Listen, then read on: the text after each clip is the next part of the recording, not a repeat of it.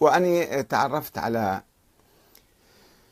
السيد صادق الشيرازي الذي هو الآن يحتل منصب المرجعية لدى قطاع كبير من الأمة اللي هم الشيرازية المعروفين بالشيرازية.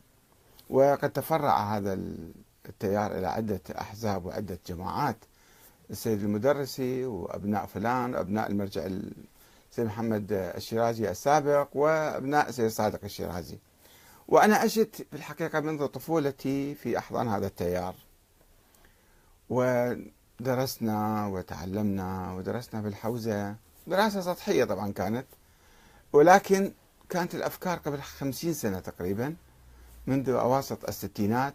دراسات يعني آه، تقدم الإسلام بشكل آه، يعني تقدم مذهب أهل البيت بالذات على أساس هو المذهب الإمامي. وما كان في غلو. ما كان في تكفير ما كان في عنف ما كان في خرافات وأساطير مثل ما نسمعها الآن. المفروض بهذا التيار وبهذه المدرسة الشيرازية آه، أن تنطلق وتتطور يوما بعد يوم. وإذا لم تكن قد اجتهدت قبل خمسين ستين سنة فلا بد أن تجتهد اليوم أو قبل عشر سنوات أو قبل عشرين سنة. ولكننا حسب ما نلاحظ من إنتاج هذه المدرسة أن يوم بعد يوم يغلون في مستنقع الغلو والغلات ويشربون من هذا الماء الآسن المتعفن ويقدمون الناس على أساس هذا فكر أهل البيت أو تراث أهل البيت. وهنا تقع المصيبة العظمى لأنهم سوف يشوهون الإسلام ويشوهون التشيع ويتطرفون في آه، يعني كثير من أفكارهم حتى يكفروا حتى يصل إلى التكفير. السيد صادق الشيرازي مثلا هو في كتابه كتابيه المهدي في القرآن والمهدي في السنة.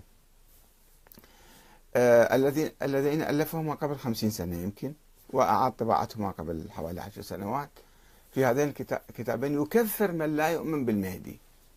رغم أن هذا الشيء ما موجود بالقرآن ولا من ضروريات الدين. فشوف العنف أين يصل. لأنه لم يدرس ولا يريد أن يدرس. وأنا يعني من بداية شبابه وبداية شبابي يمكن فارق العمر بيني وبينه يمكن حوالي عشر سنوات أو أقل أو أكثر. وكنت أحضر محاضراته قبل خمسين سنة في مسجد في سوق آه، باعي الأحذية نعلشية يسموهم في كربلاء. كان يلقي محاضرات وكنت أستمع دروس القرآن تفسير القرآن. وأيضا كان يصدر سلسلة منابع الثقافة الإسلامية كنت أقرأها أبويا كان يشتري هاي المجلة أو الكتب هذه كل شهر كتاب كان يصدر.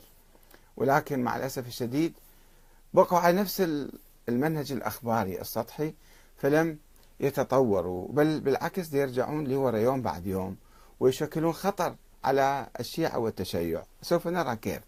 أنا وجهت له هذه الرسالة وأرجو أن تصل إليه حقيقة.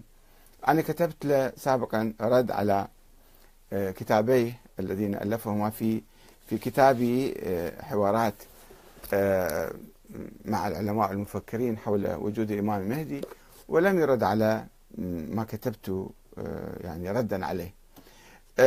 السيد محمد الشيرازي أخوه الذي توفي قبل حوالي 15 سنة أيضا ألف كتابا في الرد علي الإمام المهدي وكتاب هزيل جدا حقيقة هزيل جدا. بدون أي سند بدون أي رواية بدون أي مصدر بدون أي شيء ينقل حكايات كما يشاء ويصور يألف موضوع يعني يبحث موضوع. وهذا منهجه مع الأسف الشديد منهج غير علمي أبدا.